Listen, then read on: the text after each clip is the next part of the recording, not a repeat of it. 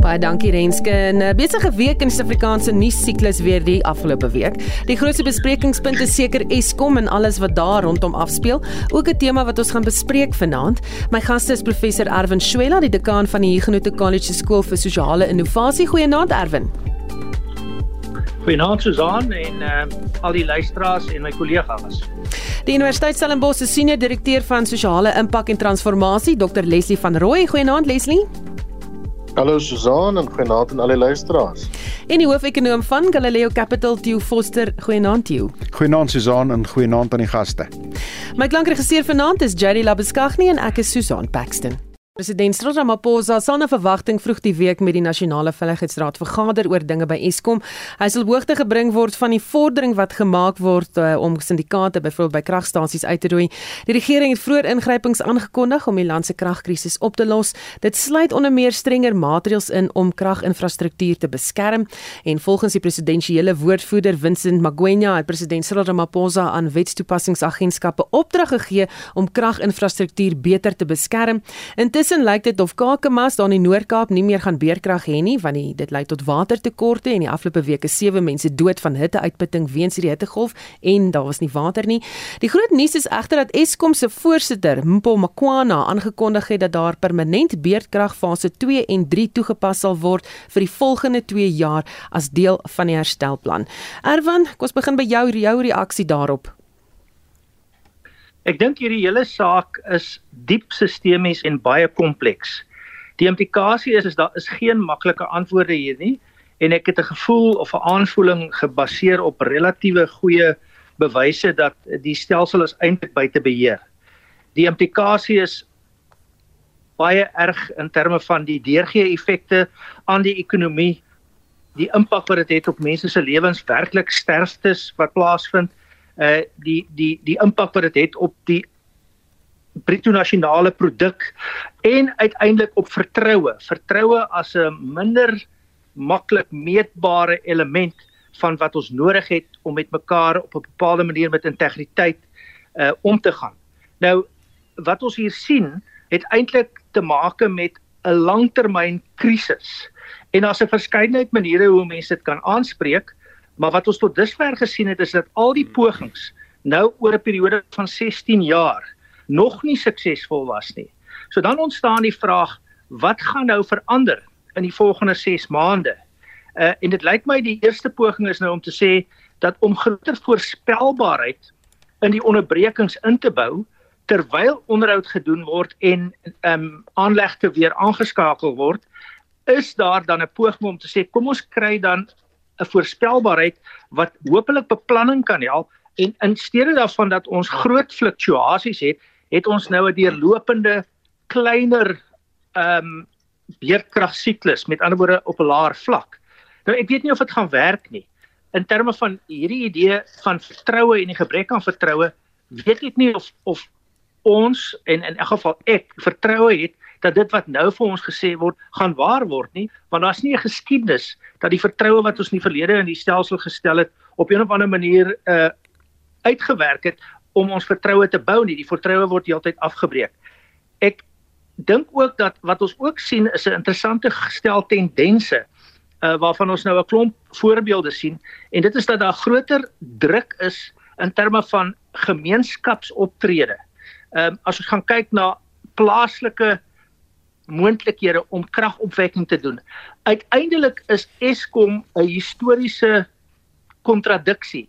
Dit is 'n dis 'n biomotiese modernistiese organisasie wat gesentraliseerd werk en wat eintlik in terme van beide die tegnologie tendense, die ekonomiese tendense, die sake tendense gedevalueer moet word, uiteindelik moet desentraliseer innoverende sakemodelle moet kry om plaaslike gemeenskappe in staat te stel saam met die private sektor om 'n oplossing te gee. So ek dink wat ons hier sien is krisisbestuur hmm. van ehm, 'n um, omvang wat ongekend is, maar wat ook nie suksesvol is nie.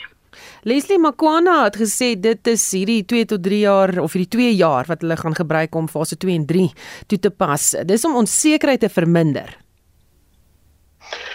Ja, ek weet nie of dit veel onsekerheid verminder is Susan, maar dit gee ten minste vir ons 'n aanleiding dat dit wat ons vrees en dit wat ons weet dalk die realiteit is. Of mens enigstens jou hoop kan koppel op tydlyne en datums en periodes en vlakke van van beerkrag, dit sal die tyd leer. Ek het dit nogal interessant gevind dat die Daily Maverick Vrydag in hierdie naweek se weergawe die die storie van Eskom sedert 1997 uitgewys het. Eintlik 'n soort historiese oorsig oor wat by Eskom gebeur het. En dan beskryf Daily Maverick die rol van die voorsitters van Eskom, die rol van die ministers in Eskom se noem dit nou maar uh, mate van ondergang as dit nie ondergang is nie, die hoofde van Eskom, die hoofuitvoerende beamptes en dan nou ook die wat uh, ons nou weet geneem het uit die Eskom pot uit. En dis 'n tragiese verhaal. En dit begin by 1997 omdat dit werklik die eerste harde tekens was dat Suid-Afrika gegee ons ontwikkeling op daardie stadium nie genoeg elektrisiteit sou kon opwek nie. Nou mense onthou dat die 1994 tot 2002-2003 vier periode 'n geweldige groot uitbreidings was aan elektrisiteitsvoorsiening in Suid-Afrika. Hoofstroomlyne uh wat ook op 'n huishoudelike vlakke impak gemaak het. Dis 'n tragiese storie van voor tot agter. En dan het jy nou ver oggend laat vanoggend vroeg vanmiddag se konferensie uh die eerste keer in 'n lang tyd het ons so 'n konferensie sien. Ons het gewag sedert die aankondiging dat die president nie Switserland toe reis, het ons gewag vir 'n soort media konferensie hieroor. Niks niets geleer nie behalwe soos wat jy nou gesê het, uh die feit dat ons vir die volgende 2 tot 3 jaar hierdie effek sal hê. Ek is nie so seker uh of dit mens rustiger maak en of dit jou meer onrustig maak nie. Ek vermoed dis waarskynlik 'n knoppie vir diegene wat wonder uh of ons uh, alternatiewe energiestelsels of gekombineerde energiestelsels moet installeer, is dit waarskynlik die tekens van die tye. Hmm. Almal word geraak. Ek dink die verhaal in Kakamas wys ons dat elkeen van ons ehm um, geraak word. Maar Susan en en daar dink ek het Erwin na verwys. Hier's iets anders aan die gang. As jy nou kyk na so 'n 'n hiërargie van behoeftes, uh as jy nou die ou Maslow hiërargie in wil glo of so. As ons nou absoluut op die onderste vlak behoeftes. Dis nou, dit gaan nou hier en dit is nou ons geraak word deur deur die kieses. Dit gaan nou hier oor oorlewing. Dit gaan nie oor kos, dit gaan oor water, dit gaan oor werk. Dit gaan oor sekerheid, veiligheid van een of ander aard. En as jy daai vlak van krisis bereik, dan het jy dan is jy baie naby aan 'n soort opstand en 'n soort terugbeveg. Nie omdat mense kwaad is of omdat ons lus is om te beklei nie maar omdat mense wil oorleef. En ek dink die verhaal in Kakamas hierdie week uh, is 'n teken van waar ons is en wat gebeur op 'n ja. absolute plaaslike vlak uh, en wat dit vir ons inhou Dio, intussen het ander ryter ook gesê dat kragvoorsiening vir die res van die jaar onder druk gaan verkeer, maar dat hy hoop om in die volgende 24 maande 6000 megawatt krag weer terug te sit in die netwerk. Nog beloftes wat gemaak word, wat dink jy daarvan? Susan, ek dink jy sit hier met 'n met 'n probleem van jy te vloot kragopwekkers wat baie oud is, wat vir baie jare baie swak onderhou is en wat skielik moet moet in plek kom om om hierdie hierdie kapasiteit te lewer. Dis amper soos 'n baie ou kar wat vir 'n klomp jare nie hersien is nie, nie na gekyk is nie en die rooi gery is en skielik nou moet dit presteer wat hulle o wat die ryter ook uitgelig het is hoe ouer 'n kragsentrale is, hoe minder effektief is die onderhoud. As 'n ding baie oud is, dan breek hy baie maklik. Dink maar aan 'n ou motor. Ehm um, as hy oud is, dan is dit moeiliker om dit reg te maak. So ek dink dis die een ding wat ons moet onthou. Daar is wel 'n klomp projekte wat wat wat herstel moet word en op lyn gaan kom. Byvoorbeeld eenhede by Kuiberg Kusile Madupe, daai goed gaan op lyn kom as dit reggemaak word, maar die probleem is dat daar so min vertroue in die kapasiteit van Eskom om hierdie ou vloot te bestuur dat 'n mens kyk ook maar net daarna. Wat vir my interessant is en ek wil aansluit, ehm um, dat dat onthou in die vroeë 2000 was Eskom Eskom beskou as een van die beste nutsmaatskappye in die hele wêreld. Dit was nie net in sy dis in die wêreld. En en en nou sit jy met 'n met 'n storie dat jy die laaste 10 jaar iets soos 10 verskillende bestuurspanne gehad het, 'n klomp direksies, 'n klomp uitvoerende amptenare. En nou hoor jy van die ANC geleedere stemme wat sê dis 'n bestuursprobleem. Dis nie 'n kapasiteitsprobleem nie. Wel, as jy so baie verskillende bestuure dan moet jy gaan kyk wat was konstant. Dit was die aandeelhouer was konstant.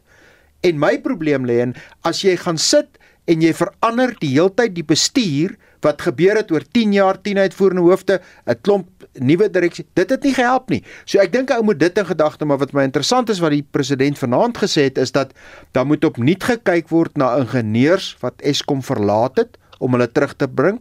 Hy het versoek dat die direksie moet hierdie hierdie hierdie aanpassing kragtarief aanpassing wat Nersa goedgekeur het van amper 19% moet hulle weer na kyk en hulle moet baie meer aggressief wees op die aankoop van buite elektrisiteit. Maar ek dink deel van hierdie fase 2 na 3 beurtkrag is om 'n meganisme te skep dat jy spasie kry om reg te maak wat reggemaak moet word. Maar ek dink volgens my lê die oplossing nie by Eskom nie. Die probleem lê by Eskom se aandeelhouer en Eskom gaan nie hierdie probleem uitgesorteer kry as die aandeelhouer nie 'n ideologiese besluit verander en besef dat Eskom is deel van die probleem en dan moet privaat kapitaal wees wat toegang moet kry na van die dienste en van die infrastruktuur Eskom is nie deel van uh, is kan hierdie ding nie oplos nie. Ja. Jy praat nou hiervan en ek dink in die rapporte daar gestaan daar's uh, die ondertone dat die regering in die pad staan van die oplossing van die kragprobleme -hmm. met Nersa wat 'n aansoek om 'n gaskragstasie buite Richards Bay op te rig afgekeur het want uh, daar's verkeerde vorms aangevul toe hulle nou aansoek gedoen het en uh, die Reuters se plan om 1000 megawatt aan te koop van die buiteland is ook afgekeur. So Leslie, dit klink of die regering in die pad staan van die oplossings hier. Ja, absoluut. Dis wat ander die ruiter al vir 'n hele paar jaar sta, sê. En dis op twee vlakke so. Dis nie net op 'n ministeriële bestuursvlak oor die goedkeuring byvoorbeeld van aankoping van aankope van parte nie uh of uh die uh, nuwe lisensies, die publieke bordprogramme uh vir die daarstel van van uh die koop van energie van buite nie. Dit is natuurlik ook uh op 'n vlak van bestuursinmenging, raadsinmenging en waarskynlik ook 'n soort ehm um, noem dit nou maar politieke nepotisme uh, wat bly steel. Daar's daar bly 'n gevoel dat korrupsie nie 'n einde kry nie en dat dit ten deels te doen het met die feit dat die so Theo dit mooi noem die aandeelhouer aanhou om op sy manier dinge te doen. Dit bly so. Maar hier is nou ewe skielik 'n etiese faktor in wat baie baie sterk is. En ek wil tog weer teruggaan na die wêreld wat ek nou goed ken. Deel van die probleem op 'n dorp soos Kakamas en dis nie 'n unieke probleem nie. Is dat daai munisipaliteit diep in die rooi is by Eskom. Dis in die rooi weens swak bestuur uh en weens 'n klomp faktore insluitend ehm um, korrupsie, maar ook 'n klomp ander faktore, veral dan nou rondom bestuur. Dit beteken dat jy in sekere munisipaliteite en dit is nou al getoets in die grondwetlike hof dat jy in sekere areas en munisipaliteite meer as die gewone ure van beurtkrag het. Ek was nou op Appington uh oor Desember en Januarie vir al my sonnes, dis regtig besonder warm. nog warmer op Kakamas as jy vir soveel ure 12 plus ure sonder krag sit kan nie water pomp nie. Jy kan nie voorsien in wat mense nodig het nie. Dit ten spyte van die feit dat die Oranje rivier vir die soveelste keer in 2 jaar in vloed is, is daar nie water om vir mense te voorsien. Ek meen dit is 'n absolute ramp. Nou dis 'n ramp van bestuur, maar dit is ook 'n ramp uh van voorsiening, dis 'n ramp van uh amper 'n soort minagting vir mense op 'n baie plaaslike vlak en daai aandeelhouer uh Theo as ek jou woord kan gebruik is op baie meer as een vlak uh die een wat in die pad staan of is skuldig is. Beide op 'n plaaslike bestuursvlak rondom infrastruktuur en veral rondom die moontlikheid om krag te betaal en en kragvoorsiening te bestuur op 'n plaaslike vlak veral in afgeleë plekke uh soos uh, soos in die platland, die Noord-Kaapse hmm. platland, maar ook ander dele in Suid-Afrika en natuurlik die rol van die minister, die rol van die raad uh, die rol van wat ek dink ons lankal moes verby gewees en wat ons gehoop het ons het by sou wees uh, met uh, uh, president Ramaphosa se uh, laaste TV onderhoud oor die Eskom krisis toe ons ewe skielik vlak 6 geslaag het. En dit is dat ons al hierdie absolute onaanvaarbare langdradige prosesse uit die weg moet ruim en inderdaad kan ruim om seker te maak dat ons ekstra elektrisiteit kan aankoop en die land kan voorsien. Ten minste is is die ryter en die bestuur daaroor duidelik. Ons het ekstra kapasiteit nodig. Daar is moontlikhede vir privaat voorsiening. Dit is nie 'n vinnige oplossing nie, maar as jy nie die stelsels en die prosesse aktiveer en plek stel nie, gaan jy sukkel om daai mikpunte en doelwitte te, te behaal en dan sit ons in 'n groter wordende krisis. Erwin, dink jy die president het nie na die wêreldekonomiese forum toe gegaan nie omdat hy gehoor het dat mense dreig om in die strate proteste lewer oor die kragkrisis? Wel ek weet nie ehm um, hoekom hy nie na die wêreldekonomiese forum gegaan het nie want hy kon eintlik maar gegaan het vandat hy teruggekom het het ons hom nog nie eintlik sigbaar hier rond gesien nie en dit voel vir my daar's 'n sterk simboliese waarde in ehm um, 'n leierskap in die situasie waar die president uiteindelik met ons moet praat. Ehm um, en uh, dit doen hy nie. Ehm um, dit uh, hy hy hy verwys dit almekaar terug na of die ministerie toe of na Eskom toe en uiteindelik is die president the buck stops there. Wat ons ook moet sê Susan en en en, luisteraars is ons het eintlik nuwe tegnologieë. Dit is moontlik om met korrelbed reaktors met met ehm um, forme van wind en sonkrag nie die totale probleem op te los nie, maar daar's nuwe tegnologieë. Daar's ook in Suid-Afrika uitnemende kundigheid as dit behoorlik gebruik word. Ons probleem is geleë by die dinge wat uiteindelik te maak het met die verpolitisering eerder as die professionalisering van die kragleweringsproses. Ons probleem lê op regeervlak. Dit lê op politieke vlak. Dit lê uiteindelik op die sakemodel vlak, op die bestuursvlak. Dis waar die probleem lê. Dis in 'n sekere sin wat ons moet regkry. Nou, die vraag is of ons dit gaan regkry gegee word die geskiedenis en dan tweedens as jy gaan kyk na die regeer vermoë van van die regerende partye in Suid-Afrika. Ehm um, hulle kan nie hulle self behoorlik regeer nie.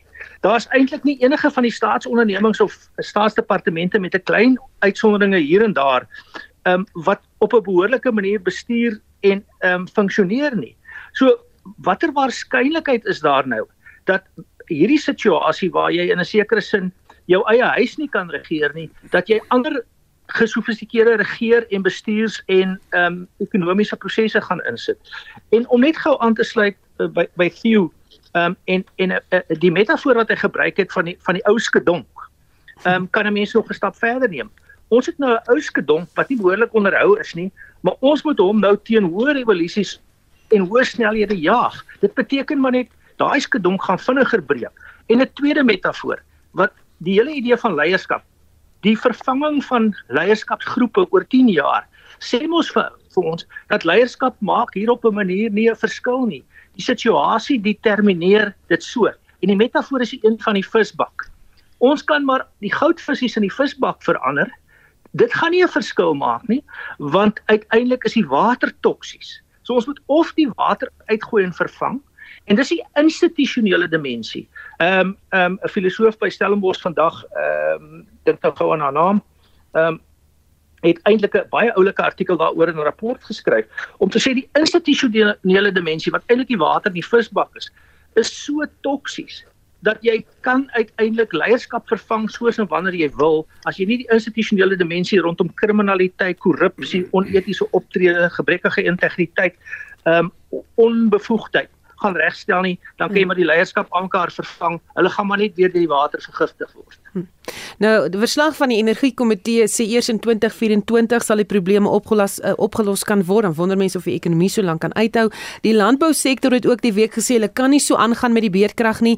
Dit uh, is in feite, uh, jy weet, ons voedselsekerheid wat nou bedreig word. Ander de Ruyter het erken dat die sektor wel die uitsondering is. Hoe nou? En dan het Afriforum intussen bekend gemaak hy gaan die kragprobleem probeer oplos deur die private sektor te kry om te belê in korrelbed kernkragreaktors. Stew Ja, ek dink eerstens ek dink ons moet vir Agri SA en vir veral die boere wat so in die afgelope ruk baie sterk standpunt ingeneem het in die Noord-Kaap sê baie geluk.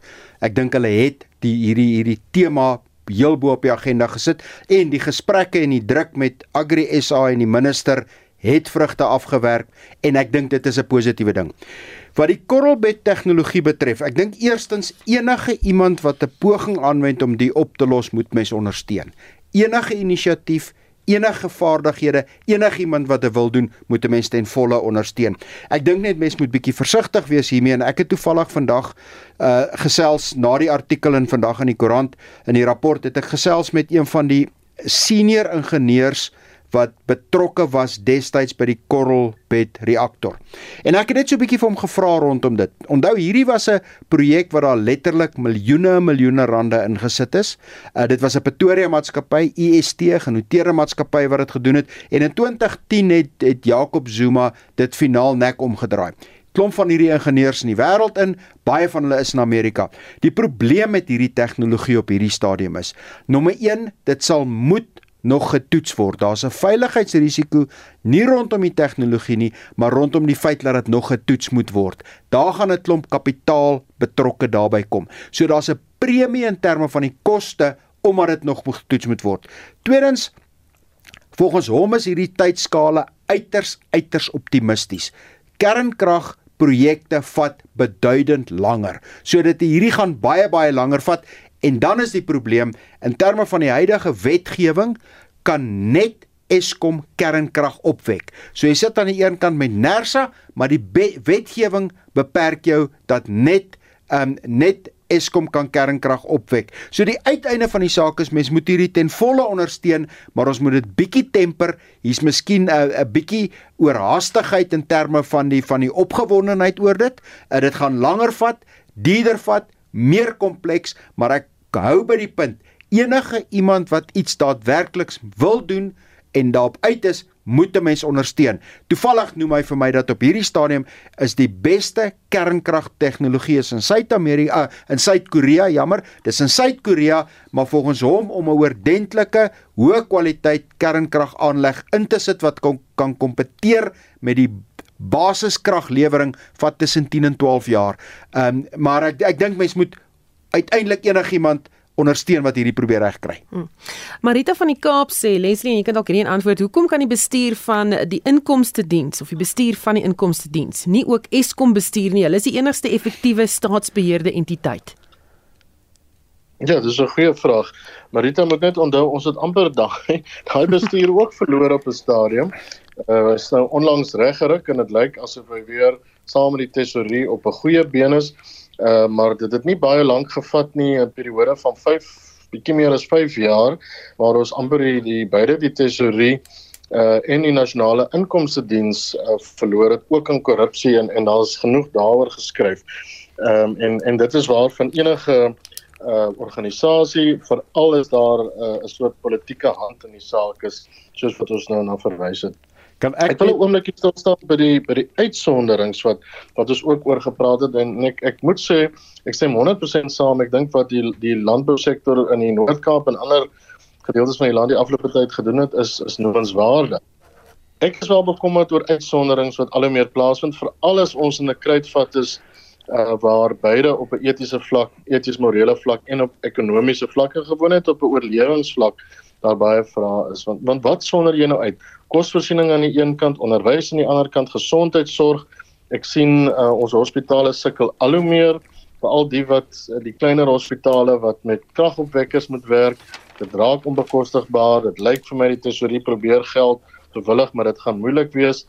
Wat is dit wat jy nou uitsonder? Water uh, pompe uh om water te voorsien noodelektrisiteitsvlakke en so En en ek het 'n vermoede dat eintlik maar soos dit gaan in 'n soort griefverhaal, as jy sien sekere mense in die dorp is is vrygestel of daar's 'n area wat vrygestel word en jy het vir 12 ure plus nie elektrisiteit nie met die met elke moontlike negatiewe gevolg wat daar rondom gaan, gaan dit ook ander moeilikheid maak. So natuurlik, uitsonderings is moontlik ook vir ons om in die interim 'n uh, proses uit te kan kalf of uh, ten minste te kan waarmaak maar ons moet versigtig wees in die konteks waar ons nou is uh dat ons nie moet miskyk dat hier 'n groot probleem is nie en dat die uitsonderings dalk ook 'n ander soort kruitvat situasie skep nie.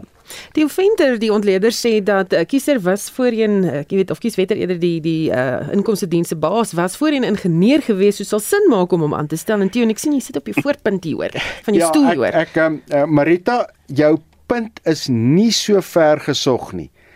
Ehm um, daar is en hierdie is totaal onbevestig, dis sommer net losgesprekke dat hy is een van die uh, Edwin Kieswetter, die hoof van die inkomste diens is die tipe kandidaat wat 'n mens graag sal wil sien. Hy het 'n ingenieursagtergrond, hy het 'n uitstekende werk gedoen by die inkomste diens. So jou opmerking is nie so ver gesog nie. Ehm um, ek dink toevallig uh, hy hy het die hy het die baanrekord by SARS en miskien is dit die tipe kandidaat waarna hulle moet kyk. Ons weet almal dat ehm um, dat die ryter maak klaar oor dis nou 2 en 'n half maande en dan sal ons 'n nuwe uitvoerende hoof moet kry en dit is dalk nie so ver gesog nie. Hm. Erwin, laaste vraag oor die tema vir jou, ehm um, die Vrystaat het 'n munisipaliteit wat 'n besluit geneem het om sy eie krag, uh jy weet, op te wek aan te koop by 'n privaat verskaffer. So dit is moontlik, dit kan gedoen word om dit op te los. Ja, ek dink ons moet eers sê dat kyk, ehm um, behalwe vir die vir die vir die uh Kakemars voorval, uh is daar mense in die strate oral. Ehm um, onder andere in die Vrystaat in Parys, nê. Nee. So ons sien waarna Leslie verwys onder toe onder toestande van toenemende skaarsheid word mede mededinging groter vir veral uh uh hulpbronne wat uh lewensnoodsaaklik is. So die konflikpotensiaal hier raak al hoe groter. En um, ons weet dat ons samelewing al reeds 'n klomp strukturele stremminge het en uh waarvoor 'n mens moet versigtig wees is die spreekwoordelike laaste strooi in die kameel se rug of die uh, die vonk in die kruitvat. Uh dit dan nou gesê, daar is 'n klomp moontlikhede. Um ons behoort eintlik daaraan te dink om innovasie op 'n manier te kry op die grond. En die implikasie is is dat ons moet ehm um, die hele idee van 'n van 'n van 'n regverdige oorgang ook bestuur. Ehm um, ons moet hierdie regverdige oorgang bestuur in samewerking met gemeenskappe. En dit gaan nie net oor die private sektor nie. Die die regering het byvoorbeeld 'n baie interessante program met die idee om gemeenskaps ehm um, koöperasies te skep waar daar deelhouers is. En dit is tipies wat nou gebeur het in hierdie situasies. Plaaslike regering kan 'n groter rol speel in die geval waar daar 30% van die plaaslike regering is wat uiteindelik um, in staat is om hierdie soort van dinge te doen. Um, ons praat nou van die Vrystaatse voorbeeld. Ek moet sê my eie stad, die stad Kaapstad, is daar baie interessante verwikkelinge in die provinsie. Die premier uh, nou onlangs gesê hy wil al die inligting hê want hy het 'n verpligting om 'n krisis af te weer. So ons moet kyk na regeermodelle wat groter devolusie, groter desentralisasie, 'n groter betrokkenheid van gemeenskappe en ander sektore as die staat wat 'n falende sektor is by hierdie hierdie situasie op te los. Die tegnologie is daar, so ons het a, ons het 'n tegnologiemodel wat oor tyd kan werk. Die die sakemodel is 'n probleem, maar ons kan die sakemodel verander. Die grootste dilemma lê by die politieke invloed wat die regeermodel uitoefen om uiteindelik in 'n uh, uh, op 'n bepaalde manier die ou stelsel in stand te hou. En dit sien ons uh, en daarmee uh, maak ek klaar in hierdie politieke stryd wat daar nou is uh, tussen meneer Gwedi Mantashe en die ANC se binnekring oor waar hy nou inpas. Daar's nou nog 'n verdeling. So as ons nie die politiek hier gaan regkry nie, as ons nie die regeringskunde hier gaan regkry nie, dan kan ons vir meneer Kieswetter ook aanstel Ehm um, ons kan uh Salomo as ons hom aan die ander kant kry ehm um, uh aanstel. Dit gaan nie werk nie. Die stelsel moet grondig verander sodat ons nie toksiese water het waar ons net nog goudvisse sit wat wat vergiftig word. Absoluut. Ja, Erwin, as jy kontak het met Sonemo, ek dink ons kan met hom doen op die oomblik. Hierdie is 'n tema waaroor se hele uur kan uh, praat. Dink ek klomp luisteraars wat saamgesels, iemand wat sê dis een ding om kernkrag te praat, maar jy weet mos daar's mense en omgewingsbewuste groepe wat hewige hierteen gekant sal wees. Daar's mense wat vra hoekom betaal ons 'n vol lyn huur geld as ons nie die dienste kry nie. Uh, daar is twee ander hernubare energiebronne wat Eskom kan vervang wat nie kernkrag insluit nie, sê iemand. Uh, Petrus wat vra hoekom kan ons nie tydelik teruggaan na steen skool toe nie klomp vra oor alles. En dan sê Kobus en Theo dis nou vir jou hou op wegskram van die waarheid. Die probleem is die ANC nie die aandeelhouer nie. Maar ek dink ons weet almal waarna jy verwys het en gepraat ja. daarvan. Uh, die afgelope naweek het die ANC in die Vrystaat sy kieskonferensie gehou en die konferensie kon nie voor die Desember nasionale konferensie gehou word nie weens onmin in die party. Die konferensie het meer as 24 uur laat begin die naweek. Die party se politieke verslag wat die naweek voorgelê is wys grootskaalse korrupsie en syndikaate projekte wat in die regering gefunksioneer het wat tot die ineenstorting van dienslewering in hierdie provinsie gelei het.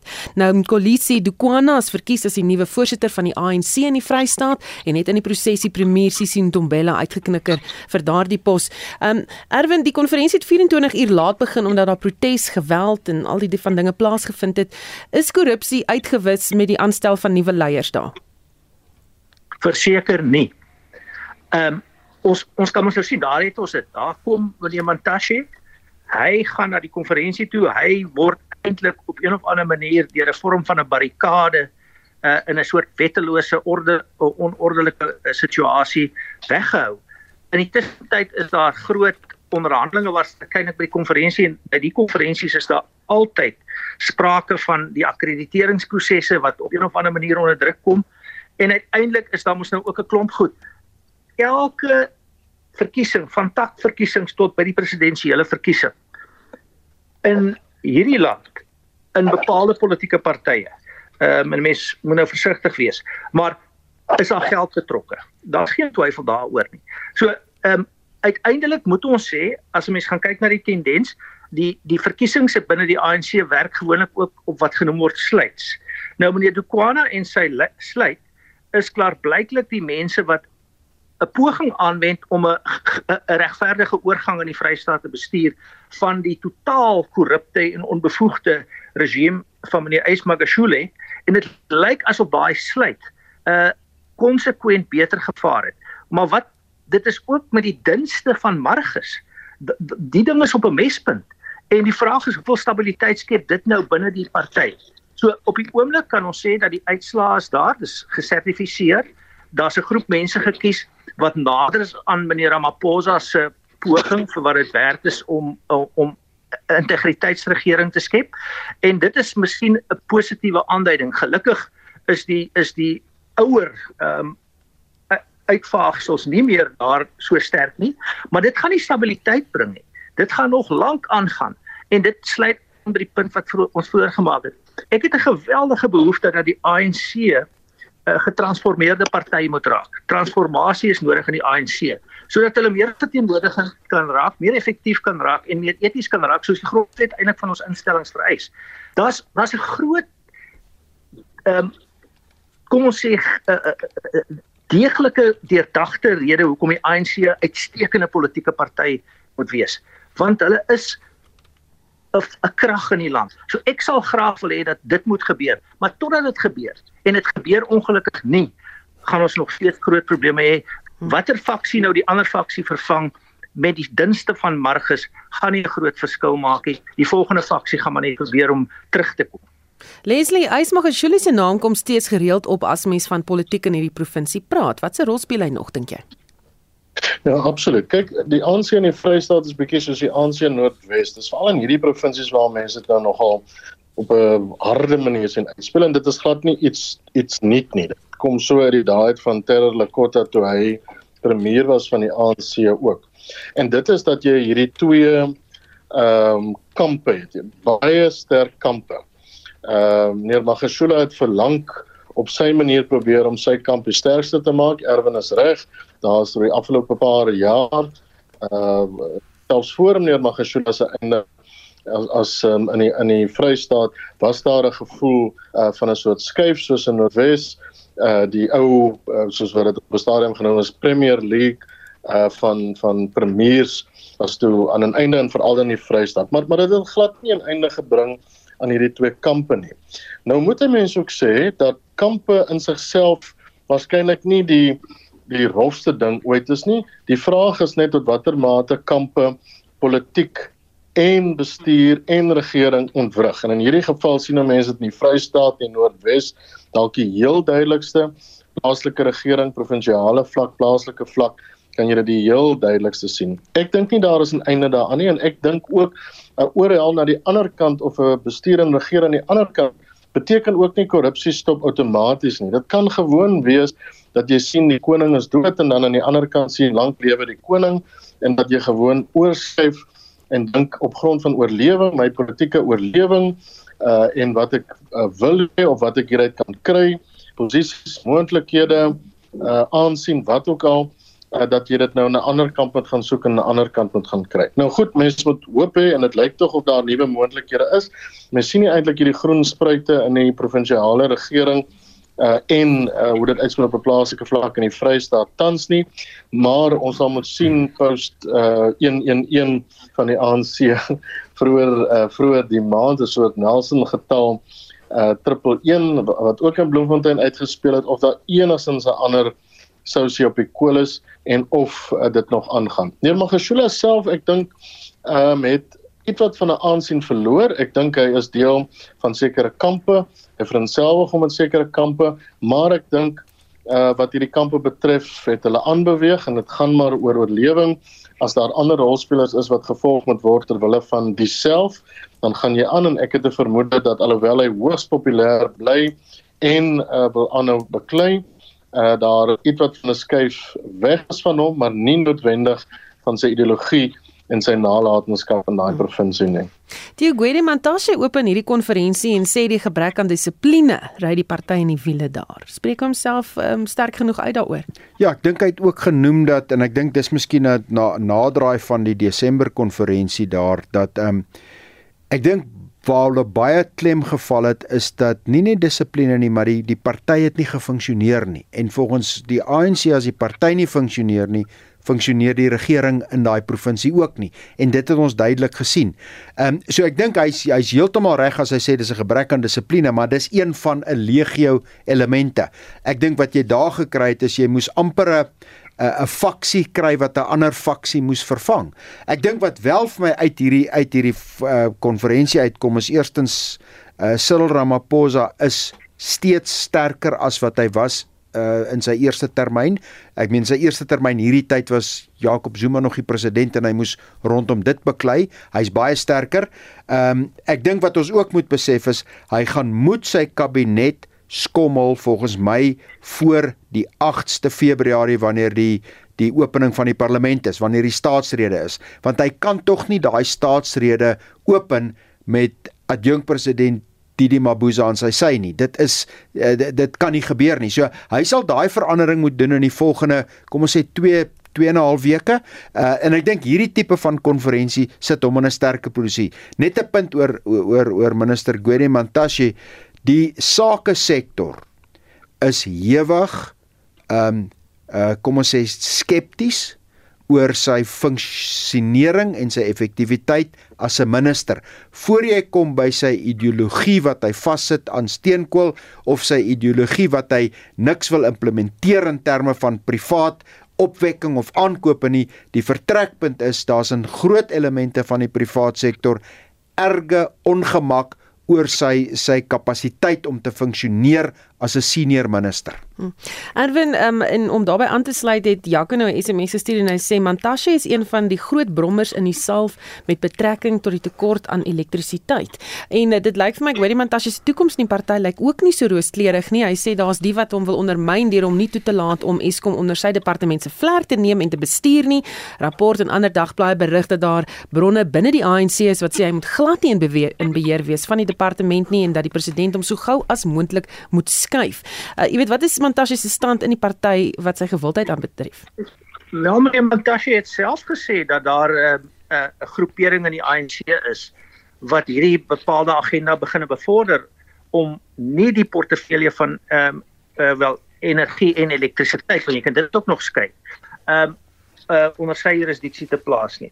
Hy het geen rekord van van sukses uh uh op die gebied nie. En ehm um, die vraag is net uh hoekom die president huiwer om om daar van te onthef. Ehm um, hy kan hom 'n ander pos aanbied. Die dilemma is dat die uh, kom kom ons begin aan die kant. Die president het nou meer politieke kapitaal. Ehm um, in, in in die politiek is mag 'n ruilmiddel soos geld 'n ruilmiddel in die ekonomie is. Die president het nou meer mag. En dit laat dan die vraag ontstaan, hier's 'n wisselwerking tussen verskillende rolspelers wat 'n soort dinamiese problematiek het. Ehm um, die president moet verantwoordelikheid neem. Dis sy prerogatief om in die belang van die land en in terme van die grondwet sy kabinet so effektief as moontlik te maak.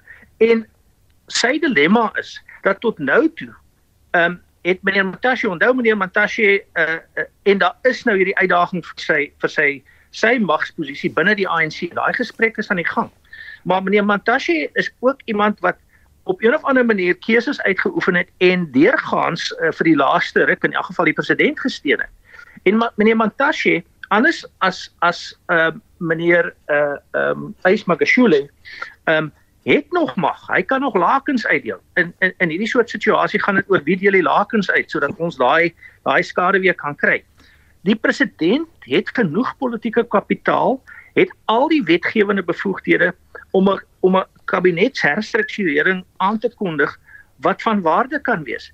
Maar dan ontstaan daar die vraag oor die president se weifeling. ehm um, die president op 'n of ander manier ons het oor jare die ontledings gedoen rondom die idee wat ons gehad het dat die president speel die langspel. Maar die president se langspel is nou besig om 'n soort van 'n ewigdurende langspel te raak. Die president behoort op 'n verantwoordelike manier in terme van die grondwet in beste belang van al die inwoners van die land moet hy eintlik nou 'n herstrukturering van die kabinet aankondig en hy behoort eintlik maar sommer so twee of drie mense uit die private sektor te kry. Ons hoef nie net die leierskap van Eskom te vervang nie.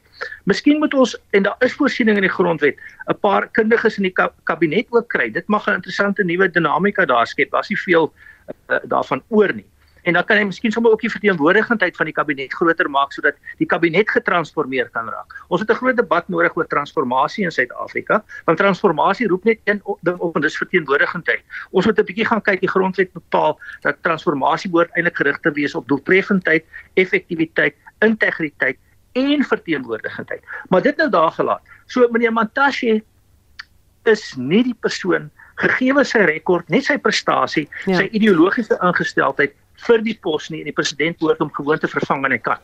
Hm.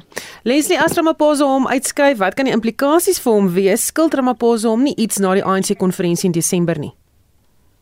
Ja, absoluut. Kyk, daar was nie hierdie legitimiteit wat die president het wat ons nou weet hy meer het as selfs 3 maande gelede was nie gegeewe tydens die verkiesing in Desember nie. En die twee, meneer Ramaphosa en meneer Mantashe het mekaar diep nodig gehad. Dit gegaan oor politieke oorlewing in die ANC. Vir die een uh, was dit om die presidentskap en onthou meneer Mantashe was waarskynlik ook een van die individue wat die president gevra het om nie te bedank nie in daai donker nag deur die woestyn van hom. En meneer Mantashe het waarskynlik ook gehelp uh rondom uh Nasrek om seker te maak dat die president uh, dat meneer Ramaphosa weer as president van die ANC verkies word. So die twee het vir lank mekaar nodig gehad. Ek het wel 'n gevoel dat binne die top 7 nou uh, daar 'n bietjie van 'n skuif is. Uh, as as mense na die gewoonheid gekyk het na die kommentare en selfs die op die vloer en die gesigte rondom meneer Mantashe se verkiesing wat terloops met die kleinste van marges gebeur het by Nasrek meer so as as van die ander verkose leiers dan uh, is daar miskien 'n gevoel dat uh, meneer Mantashe se tyd gekom het. Dit sal afhang van uh, uh wat gesprekke nou was die naweek binne die, die top 7 of miskien nog is. Ek het 'n vermoede dat veral uit die sekretaris-generaal se geleedere daar 'n gevoel is dat 'n uh, kabinetskommeling redelik um radikaal behoort te wees. Ek weet nie wat dit vir meneer Mantashe beteken nie, maar dit is baie duidelik dat hy besef dat hy vir oorlewing veg en ek kan nie dink dat hy absoluut oortuig is dat sy oorlewing heeltemal meer gedek is of beskerm word deur die president nie. Ek vermoed die syne is daardie president nie heeltemal meer meer Mantashe so nodig het soos wat hy hom voorheen nodig gehad het nie. Aan die ander kant, die politieke dinamika verander soms vinniger as wat mense dink en die president sal waarskynlik tog probeer om nie te veel aanstoot te verseker binne sy top 7 nie sodat hy ten minste seker kan wees dat hy naby genoeg aan die einde van sy eerste termyn, sy tweede termyn as president sal kom. Maar dit is amper 2024, is verkiesingstyd. Hier is 'n geweldige groot krisis in die land. En Mantashe se naam word daaraan gekoppel al vir baie lank. Uh, ek kan dit nie verstaan of hy nou vir Eskom is of teen Eskom is nie. Want daar's nie 'n teken noodwendig vir nie as jy kyk na sy kommentaar oor die ryter. Ons weet Hy is ehm um, vasbeslote oor die gebruik van steenkool. Hy steun meneer uh, die ryter die bestuur van Eskom uh, 'n uh, soort uh, geen simpatie houding teen die, die leierskap van Eskom aan die ander kant hierdie gevoel oor steenkool dat nie die moontlikhede van Eskom uh, moet skaad nie.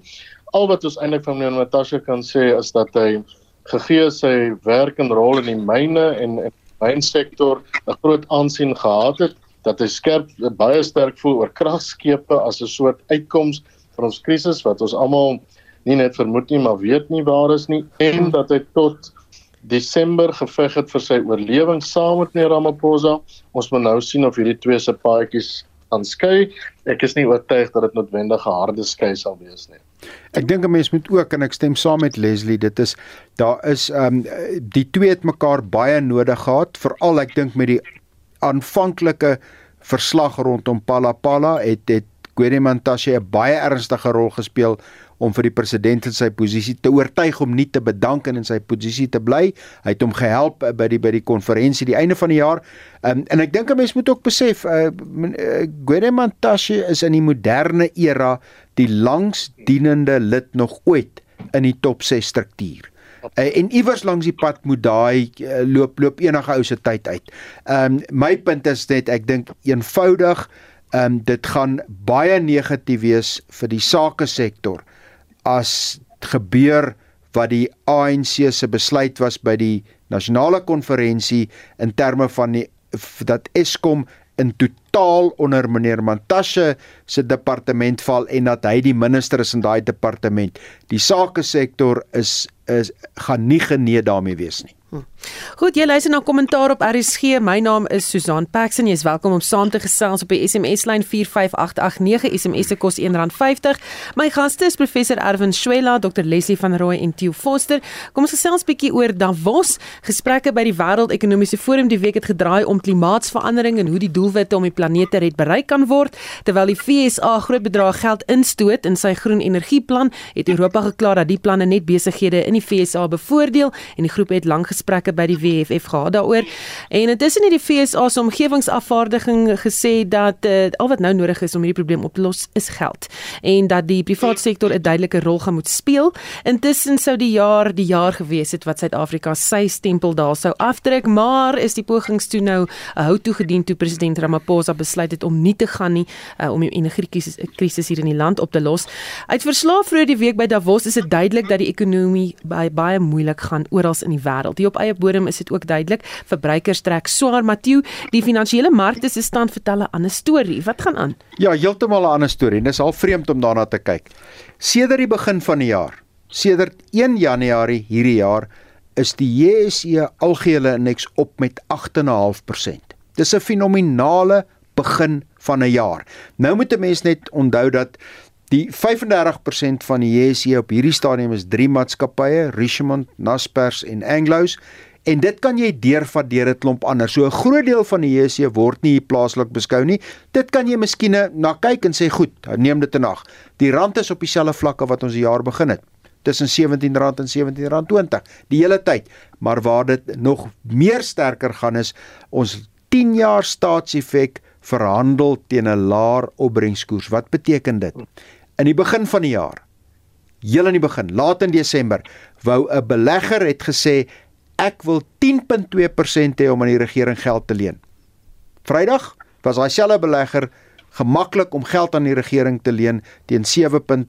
teen 9.7 9.8%. Dis amper 'n half persent minder en dis 'n dis 'n dis 'n stem van vertroue. So aan die een kant die al die JSE algehele indeks maak nuwe hoogtepunte, 8.5% op, nuwe algehele hoogtepunte en ons kapitaalmarkkoerse, dit wil sê die koste vir die regering om geld te leen word al hoe goedkoper. Dis half 'n vreemde situasie en hier's 'n hier's 'n duidelike verskil tussen wat die finansiële markte sê wat hulle erf wat hulle vooruitskat want onthou jy koop nie 'n uh, net soos jy nie 'n plaas koop omdat jy dink dit gaan volgende maand reën nie Jy koop 'n 10 jaar effek vir oor 10 jaar om vir jou inkomste te gee. Jy belê in 'n maatskappy vir die volgende 3, 4, 5 of 10 jaar. Uh, so hier's 'n bietjie van 'n verandering wat finansiële markte sien en wat ons ervaar in die regte ekonomie. Net wat Davos betref, daar drie goed vir my soort van uitgestaan. Eerstens my opinie rondom hoekom die president nie kon gaan nie. Onthou die president is nie lief vir perskonferensies waar hy direk vrae moes beantwoord het nie. Inteendeel, ons kon dit self sien met sy COVID gesprekke, die die familiegesprekke. Hy het nooit gebly vir vrae nie. In Davos gou hy elke dag honderde internasionale joernaliste toe sou hy vrae moes antwoord en raai wat? Elkeen sou hom gevra het oor Eskom. Dit sou moeilik gewees het. Wat vir my interessant was is eerstens 'n dit is dit was nog altyd deel van Davos dat die groot oligarks van Rusland daar is. Daar was nie een hierdie jaar nie. Hulle het net nie opgedaag nie. Wonder hoekom nie. Wonder hoekom nie was niemand van hulle daar nie. Tweedens, as jy praat oor die ekonomie, daar deurgekom al meer dat ons is dalk deur die erge van die resessie, ons is dalk deur die erge van inflasie. China begin al meer sê hulle ekonomie is besig om terug te kom. Dit was positief. Um, maar uiteindelik dink ek dat die punt van die klimaat en die klimaatverandering bly die onderwerp wat sal moet vorentoe saam met ons wees vir 'n hele rukkie vorentoe. En ek dink daai tipe gesprek Ek dink ons onder ons ons was te optimisties oor die tempo waarmee dit moet geskied, maar ek dink daar word steeds vordering gemaak in daai gebied. Hm.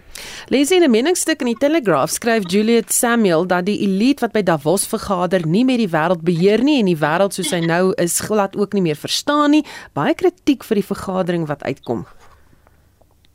Absoluut. Dit is nie nuwe kritiek oor Davos nie, dit is bestaande kritiek en iets in die wêreld ekonomiese forum het natuurlik daai gevoel. Ek meen as as mens nou een keer in jou lewe daai gedeelte van Switserland besoek, dan weet jy uh dit is 'n enklawe soos min uh, waarskynlik ook uh meer as net 'n enklawe. Uh maar dit skep vir jou 'n gevoel van ontoereikendheid en en verstaan nie wat aangaan nie. Maar dit is 'n baie baie belangrike platform om by te wees. En as jy nie genooi is nie of nie daar kan wees nie, moet jy weet jy is nie deel van die huidige bestel nie, uh, kapitalistiese ekonomiese bestel nie en gaan jy uitmis op die moontlikhede. Ek wil dan en en dit maak dit nogal 'n belangrike moment aan die begin van die jaar. Dit lyk vir my elke moontlike kommissie of komitee van die Wêreld Ekonomiese Forum staan stil 'n paar weke voor Davos en en gaan daarna baie stadig gaan omdat daar 'n nuwe rigting was. Eintlik sou hierdie uitstekende jaar vir Suid-Afrika was. Jy het nou verwys na wat die plaaslike mark doen. Ek dink mense met die JSE nie sien as 'n Suid-Afrikaanse mark per se nie, dis 'n internasionale mark, een van die top 20 grootste markte in die wêreld, regtig 'n baie goeie mark. Uh die staatseffekte is heeltemal reg. Ek dink mense moet dit koppel aan die feit dat ekonomies uh uh kontekste of um, ten minste projekte internasionaal baie skepties is oor oor wêreldgroei internasionaal en dat daai skeptisisme nie tot nou toe uh, noodwendig in Suid-Afrika die geval was nie. Nie wat rentekoerse betref nie, nie wat groei na Covid betref nie.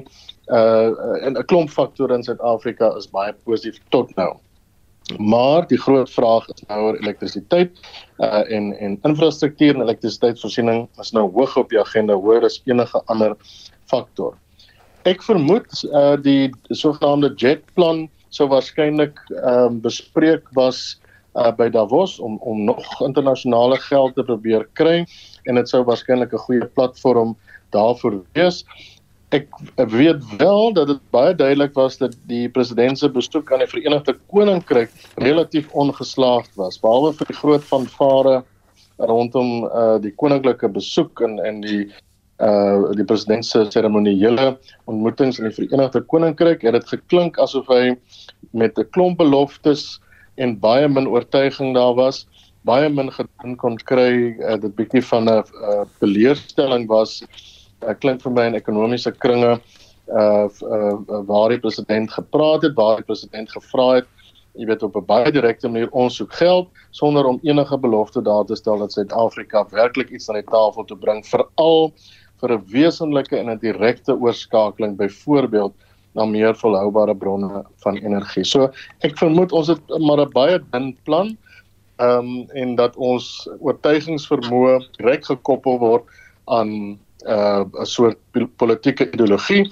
Ja. Byvoorbeeld die ideologie, ideologie wat sê dat dat um, ons binne die volgende 6 maande nie meer kragonderbrekings sal hê nie. Ons weet dit is nie waar nie en ek dink die wêreld besef dit baie goed. So ek vermoed ons het nie veel by Davos kon uitdruk selfs sonder of dan sou hy gaan selfs met die president nie. Hm. Erwin, die oorlog in Oekraïne is ook konstant geopper by Davos as 'n struikelblok om enigiets te vermag want almal stort fondse daarin en gepraat van hierdie oorlog, te midde van die oorlog besluit Suid-Afrika om 'n militêre oefening te hou saam met China en Rusland en om die Russiese minister van buitelandse sake Sergey Lavrov te ontvang hier op eie bodem. Oekraïense burgers in Suid-Afrika het onderneem om te betoog teen sy besoek en die Joodse gemeenskap is ontstig oor Lavrov um, se vergelyking van die Wesse se steun aan Oekraïne as dieselfde as Hitler se uitmoer van Jode. Wat jou gedagtes oor al hierdie dinge? Soos nou teruggaan en ons begin nou um, net gou weer by Davos. Um, ek hou nou al vir my doseerwerk by die Instituut vir Toekomsnavorsing van die Universiteit van Stellenbosch oor 'n klompie jare die Wêreldekonomiese Forum se risiko-analises dop. En dit gaan oor aardverwarming globaal en al die implikasies van klimaatsverandering. So, ehm um, dis die grootste risiko. Nou dit koppel direk aan die energie mengsel. Ehm um, wat beteken ons sal moet wegkom van C uh uh koolstof emissies. Nou die implikasie is is dat daar moet ehm um, wat my kollegas noem 'n regverdige oorgang wees wat beteken dat jy jy kan nie nou um, al die mense wat reeds voor in die resies is dis nou die ontwikkelde westerse wêreld aanhou bevoordeel nie en die westerse wêreld wat die geïndustrialiseerde nasies is is bereid om groot bedrae geld te gee ook vir Suid-Afrika en daar is beloftes van van Amerika en daar sou beloftes kon gewees het van die Verenigde Koninkryk om hierdie regverdige oorgang te help bestuur en te befonds. Wat doen ons nou op grond van weer eens 'n keuse vir ideologie eerder as pragmatisme vir pop, vir populistiese politiek eerder as professionalisme gaan ons nou en met 'n soort van 'n interessante gevoel. Kyk, die Unie van Sowjet-Sosialistiese Republieke bestaan nie meer nie. En intedeel Oekraïne was een van die ondersteuners in daai Unie van van Suid-Afrikaanse bevrydingsstryd, van die Suid-Afrikaanse bevrydingsstryd. So dit maak geen manier eintlik meer polities en geopolities en polities ekonomies sin nie.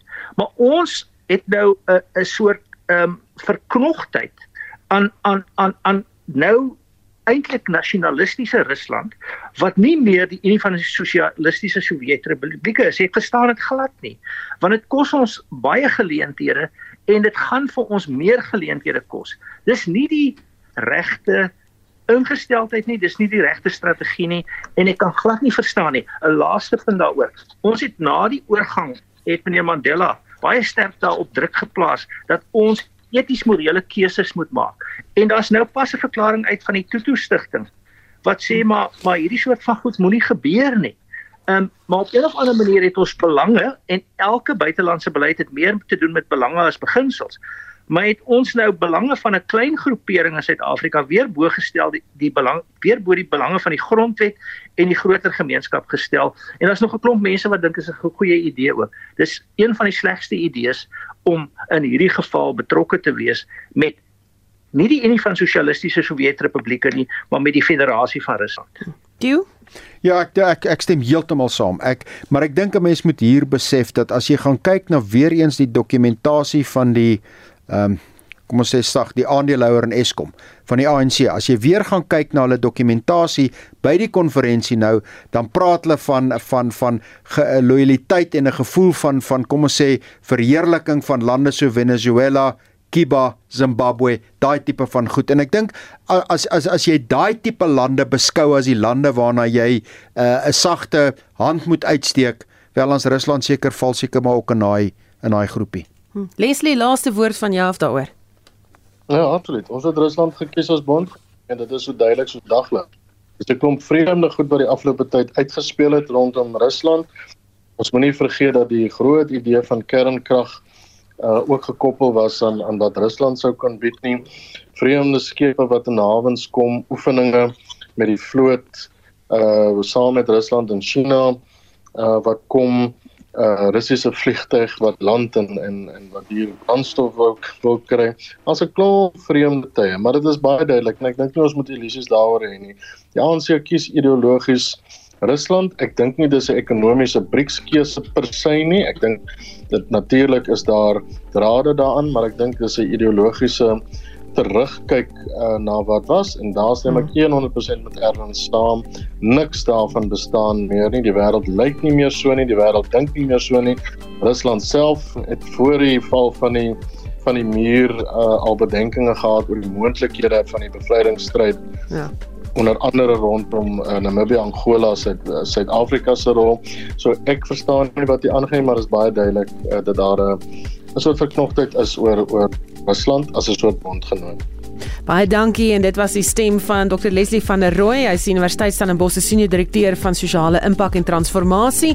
My ander gas, gaste was professor Erwin Swela, die dekaan van die Huguenot College skool vir sosiale innovasie en dan het ons ook die hoofekonoom van Galileo Capital gehad, Theo Foster. Baie dankie dat jy hier was.